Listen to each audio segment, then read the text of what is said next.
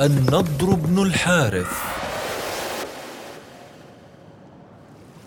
كان كفار قريش يستهزئون فيسألون النبي صلى الله عليه وسلم متى هذا العذاب الذي تتوعدنا به سأل سائل بعذاب واقع.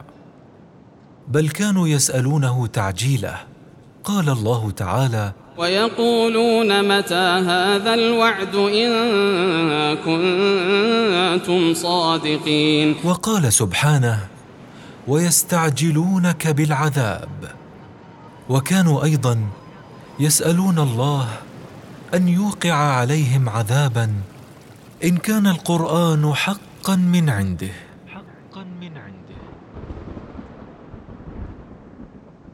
وعن ابن عباس رضي الله عنهما في قوله تعالى سأل سائل بعذاب واقع قال إنه النضر بن الحارث.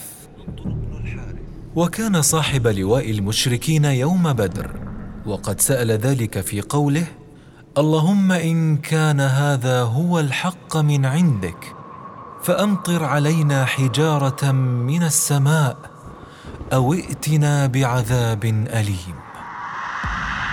أعلام نزل فيهم قرآن.